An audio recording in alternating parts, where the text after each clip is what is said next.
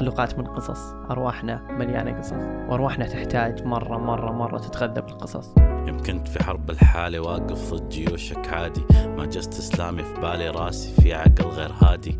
ريحة فكرة تقريبا أقرب للنوع الكادي بين الأبيض والأسود نوعي بعيش رمادي.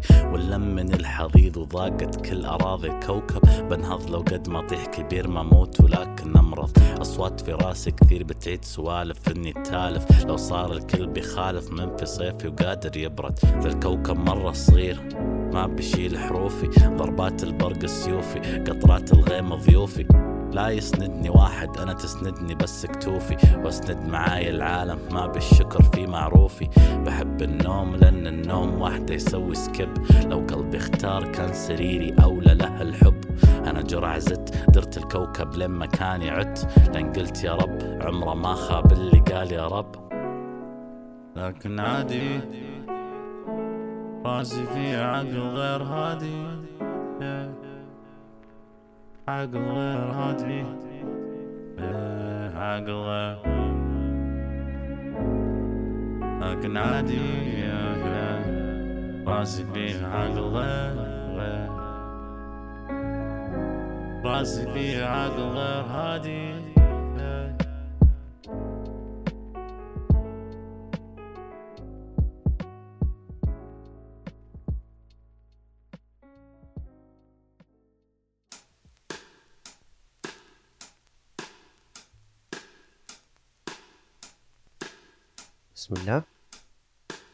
كم مرة تمنيت تهرب تهج تنحش تحط رجلك تختفي بدون أي لمحة ولحظة يذكرك فيها أحد. رفعت راسك للسماء وقلت أنا ليش عندي مسؤوليات كثير تخليني عالق تذكرت أن باقي لك مستويين وتتخرج من الجامعة أن عندك أصدقاء بتزعل على نفسك لو جلسوا الأيام يتساءلون ذا الغبي وين راح؟ ردة فعل إخوانك وأهلك خلتك تقوم وتجمع أغراضك وترجع للبيت عشان تنوم. وينتهي يومك. بعدين يبدأ من جديد بتساؤلات جديدة منذ الأزل كان الخروج أو الهرب أيا كان نوعه هو سبيل وطلب للتغيير. فيزيائي كان أو نفسي هربا من المجتمع أو من نفسك وكأنك تبتعد عنك وعن العالم عشان تشوف نفسك بشكل أوضح. لأن قبل مدة مو بعيدة كان ينفى الشخص من جماعته كمحاولة لحل المشكلة بدلا من فرض العقوبات القوية عليه. والنفي هو إخراج الشخص من موطنه غصبا عنه. وهذا أمر مو بجديد. النفي موجود حتى بالإسلام مع اختلاف تعريفه لكن هدف العقوبة واحد وهو إخراج الشخص وإبعاده من حدود المكان اللي مارس الغلط أو الذنب فيه عشان يمنعون الجريمة أو يحدون منها قدر الإمكان.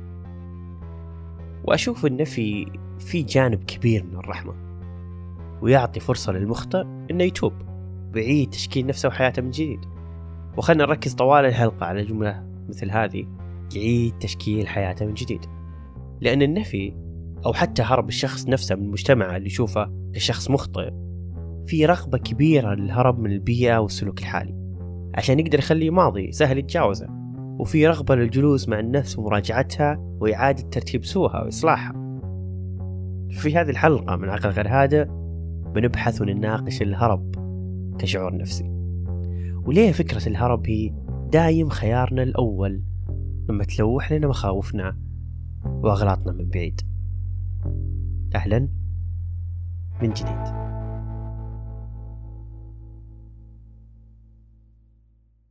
من بساطة الهرب واللعب والطلعات لما يجي وقت اختباراتك أو تسليم مهامك بالدوام إلى الهرب بشكل أعمق من مشاكلك اللي لازم تحلها. بأنك تكون علاقات كثيرة وتنغمس بالناس مثلا أو حتى أنك تقفل جوالك وتنوم بدل تحل مشكلة بينك وبين أحد أو بينك وبين نفسك. هذا كله مو بتأجيل ولا كسل ولا قل المسؤولية. هذا سلوك نفسي حقيقي يسمى escapism أو سلوك الهرب أو التجنب.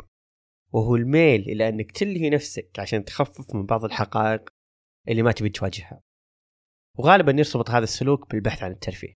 لعب جماعات نتفليكس سفر أو حتى فعل أشياء جيدة أحيانا مثل الرياضة الجري السباحة عشان بس تهرب من أفكارك ومخك. إلى اللحظات الأسوأ في عمقها مثل أذية النفس استخدام ممنوعات وغيرها من السلوكيات اللي يكون هدفها الأساسي هو إشغال عقلك وتخديره من مواجهة الحقيقة. وإيه للأسف إيذاء النفس هو نوع من أنواع الهرب. فأيا كانت الحقيقة اللي تهرب منها ولا تبي تواجهها اضطراب نفسي أو مشكلة صغيرة أو اختبار نهائي كلها تحت مظلة الاسكيبزم.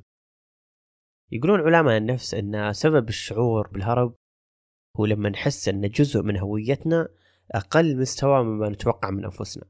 مثلا محمد دخل وظيفة وهو قادر إنه يتعلم فيها ويواجهها ولكن عنده قلق دائم إنه راح يفشل بسبب تشكيكة إنه ممكن يختبر بشيء ما يعرفه ممكن ينطرد من الشغل.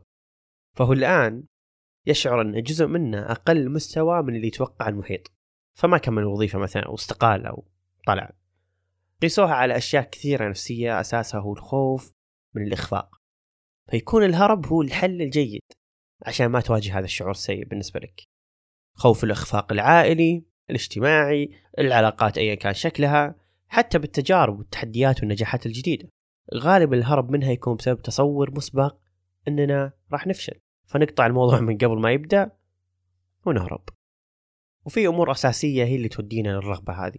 أولا لما تمر بتجربة صعبة وقاسية اللي طبيعي بعدها بتدخل فيه تحليلات كثير بوش أصل هذه التجربة وليش صارت ومين السبب فيها. ثانيا لما تاخذ هذه التجارب وتبدأ تفكر إنها سيئة بحق نفسك أو حق المجتمع وبعدها تحط اللوم على ذاتك أو جزء من شخصيتك. وطبعا اللوم هذا وين بيوديك؟ بيوديك لإدراك ممكن يكون وهمي إنك شخص مو بكافي لعلاقة معينة أو غير كفؤ لهذه الوظيفة أو إنك تستاهل هذا التنمر لأنك قبيح وغيرها من ملايين الإسقاطات اللي يمارسها عقلك عليك عشان يخليك أنت سبب كل هذا. ولوم النفس يعني خطة مرة سهلة عشان تقفل المواضيع وتقفل النقاشات لما ما تفهم إيش سبب كل هذا السوء اللي قاعد يصير لك. وبكذا بتروح لحالات نفسية صعبة جدا لما تتصادم التجارب الصعبة هذه مع نظرتك لنفسك وآلية تقييمك لها. تصادم مبادئك أو عدم وصولك لمعيارك للنجاح مثلا أو نظرة محيطك مجتمعك لهذا الأمر. نفس الشيء لما يكون مجتمعك يحمل مبدأ ومعيار مختلف عنك وأنت عجزت توصل له. يعني كلكم مو مقصرين في جلد نفسك. فاهم وش الحل الأسهل لهذه المشكلة؟ إنك تنحاش صح؟ إيه للأسف يعني الهرب هو الخيار الأسلم. لتصادمات كبيرة زي هذه. لكن الخيار الأسهل هذا يوديك اضطرابات وسلوكيات تخلي صعب عليك تضبط نفسك وتوديك لسوب الهرب كبيرة ما توقعت توصلها بيوم. طبعا تختلف من شخص لشخص وقدرته على إنه يضبط نفسه ويهدى لأن ممكن راح نوصل للقاع بسبب الهرب لكن يعني نعرف كثير وصلوا للقاع وهربوا بطريقة توجع وصعبة وبشعة أحيانا. وأتوقع المسألة كلها في أنك مجرد ما توصل لمرحلة أنك تهرب من نفسك فهي بالنسبة لي أسوأ بكثير من المشاكل المجتمعية في الهرب من الأهل والمجتمع والمحيط إذا هربت من نفسك يعني وش باقي؟ وش تقدر تواجه بدونها؟ ف كل اللي قلته فوق هو عبارة عن سلسلة جر نفسها تجربة صعبة تشكيك ولوم للنفس تقييمك لنفسك حسب معاييرك أو معايير المجتمع اللي بالأخير بيوديك لإدراك أنك إنسان سيء وتستاهل كل هذا السوء وكل ما سبق يخليك تبي تنحاش من هذا الشعور النفسي السيء بأي طريقة قدامك. لذلك وهذا المخيف أن الحل قدامنا. جدار واحد بس ويقفل كل شيء يودينا الهرب. وهو بس أنك تجلس مع نفسك وتسمي الأشياء مسمياتها وتعرف أن سبب التجربة الصعبة هذه هو سبب ظرفي داخل فيه عوامل مرة كثير. ممكن أحد هذه العوامل أنت بس منت بأساسها. طبعا ساعدتنا ال social media نهرب قلق صح؟ إنه لها يد بتعزيز سلوكيات نفسيه مرة كثير. صح إنها لعينة بس على عكس الكثير أشوف إن نسبة كبيرة من سلوكنا في الهرب لها هو شيء جيد نسبيا. الهرب من الواقع بالتعبير عنه هناك في مواقع التواصل الهرب من الواقع بإنك تدركه أكثر من خلال مسلسلات أفلام وكتب أو الهرب من المحيط بالبحث عن محيط افتراضي أحسن خاصة لما يكون واقعنا ما يسمح لنا بالهرب لواقع آخر مختلف تماما. لكن يبقى واحد من أكثر أشياء رعبا بالنسبة لي إنك تهرب للمجهول. لأن أشوف التقنية بشكل عام عالم ضبابي صعب إنك تعتمد عليه في صيغة هربك. مهما شعرت إن العالم صار صغير بسبب التقنية كلنا مرتبطين ببعض إلا أن مجرد ما يفلت منك هذا الخيط الصغير تكتشف أنك أنت الصغير بعالم جدا كبير صعب تهرب منه. التقنية تعطيك شعور الهرب بس ما تعطيك حقيقة الهرب نفسها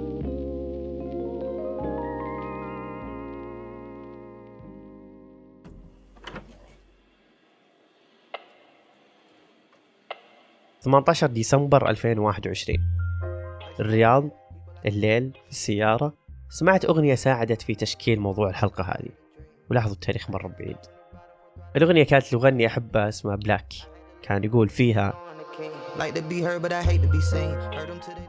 Like to be heard but I hate to be seen. يقول صح لسانه فيما معناه إنه يعجبني إني شخص ينسمع له بس أكره إني أنشاف. الموضوع هنا أعمق من الترجمة الحرفية لكلمة سين اللي توصف الرؤية بشكل فيزيائي. كان قصده أنه يكره انكشافه. وأن الناس يشوفون أعماقه وشخصه الحقيقي بسبب كتاباته وأغانيه وهذا ما يأثر أبدا ولا يتناقض مع إدراكه بعظمة ونعمة أن شخص ينسمع له كلامه يأثر ويغير العالم فالفكرة مو متناقضة هو مبسوط أن الحرف يوصل بس عنده تصادمات داخله تخليه يتوتر من إنه قاعد ينشاف. At the end of every album cycle, it was not like I really solved anything. And I remember being so furious to the point where I could have cried. My name is Black, and welcome to my mindset.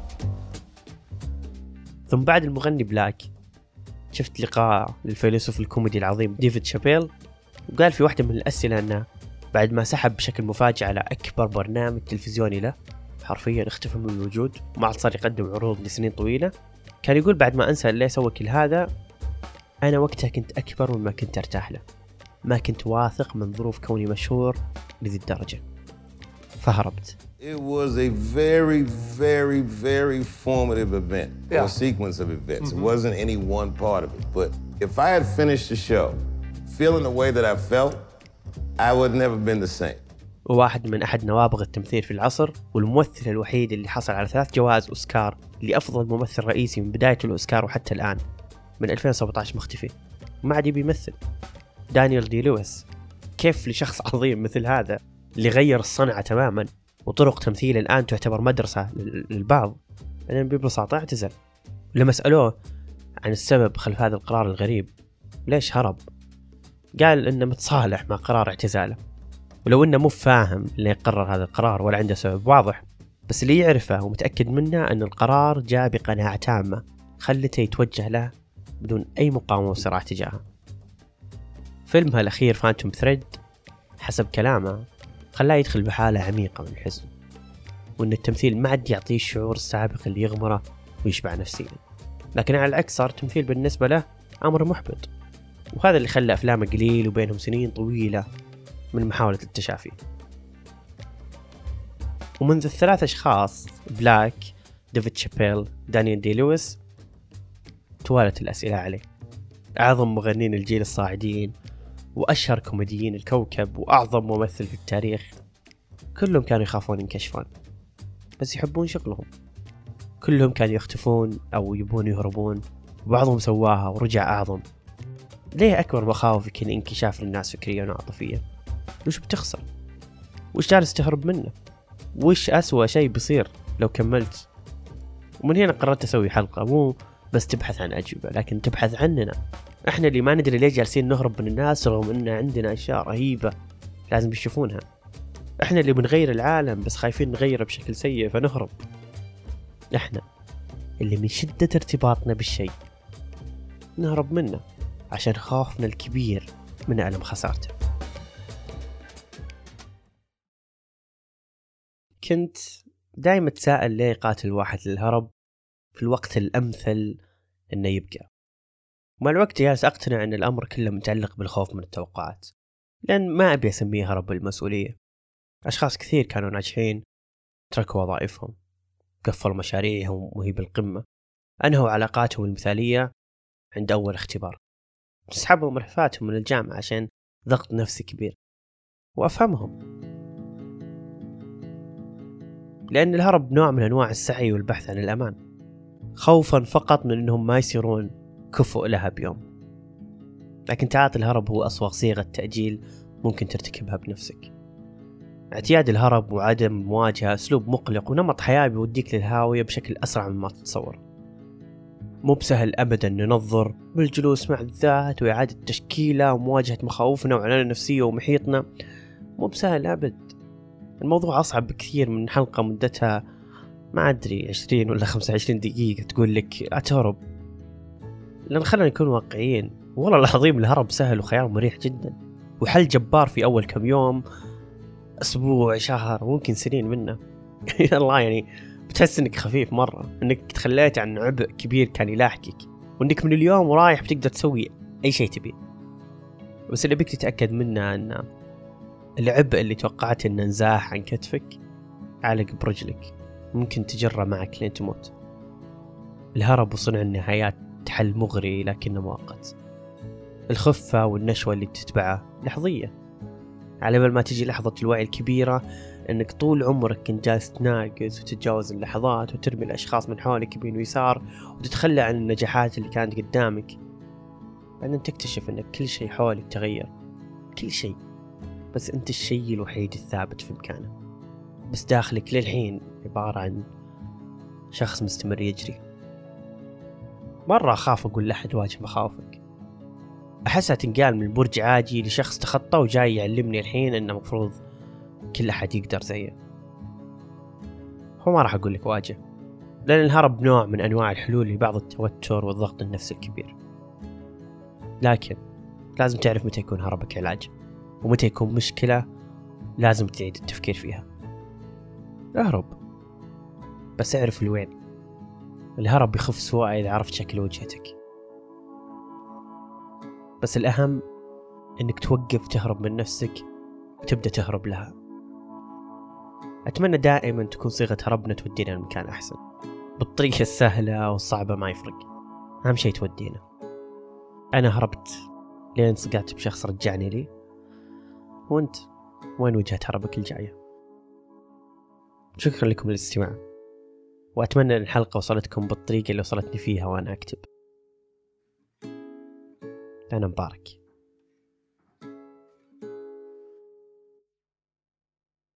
هذا ممكن أفضل إعلان أو أحمس إعلان ممكن أسجله. متجر عقل رجع. بكولكشن جديد مرة رهيب. ولما أقول مرة رهيب مو معنى انه عشان مشتق من بودكاست بقدر أمدحه. صدق أتوقع يعني الفترة الجاية بتكون من أفضل الفترات من ناحية الجانب الإبداعي من المتجر. هويتنا تغيرت أسلوبنا في الحقائب جودة الحقائب جودة ال sticker ات الجديدة مرة مختلفة عن أي تجربة جربناها في البداية. وهذه هذه العبرة إن كل فترة نحاول نطور فيه آه، بتطوير معين. والحمد لله رغم البدايات ورغم كان في عيوب معينة في آه، في المتجر إلا إن الحمد لله كانت في مبيعات مرة حلوة. انبسطنا إن قاعدين نوصل لكم شيء فيزيائي من البودكاست عبارات وغيره. والحين آه، ال collection الجديد مستلهم من كلمات أغنية البودكاست اللي من كتابة بلاك بي فمتحمس جدا إنكم تشوفونها وتشترونها وتنبسطون فيها. سكتشات ورسمات الاستيكرات مرة حلوة. الحقيبة الجديدة حقيبة آه، الكوكب مرة صغير ما يشيل حروفي من أقرب الحقائب لقلبي ودائما بستخدمها. فأتمنى أنها تعجبكم. وأكيد في كود خصم لمستمعين بودكاست عقل غير هادئ. كل اللي عليكم تكتبونه هو عقل بودكاست. AQL بودكاست بالإنجليزي. بس 15% شكرا لكم للاستماع وشكرا لكم على الشراء مقدما. إلى اللقاء.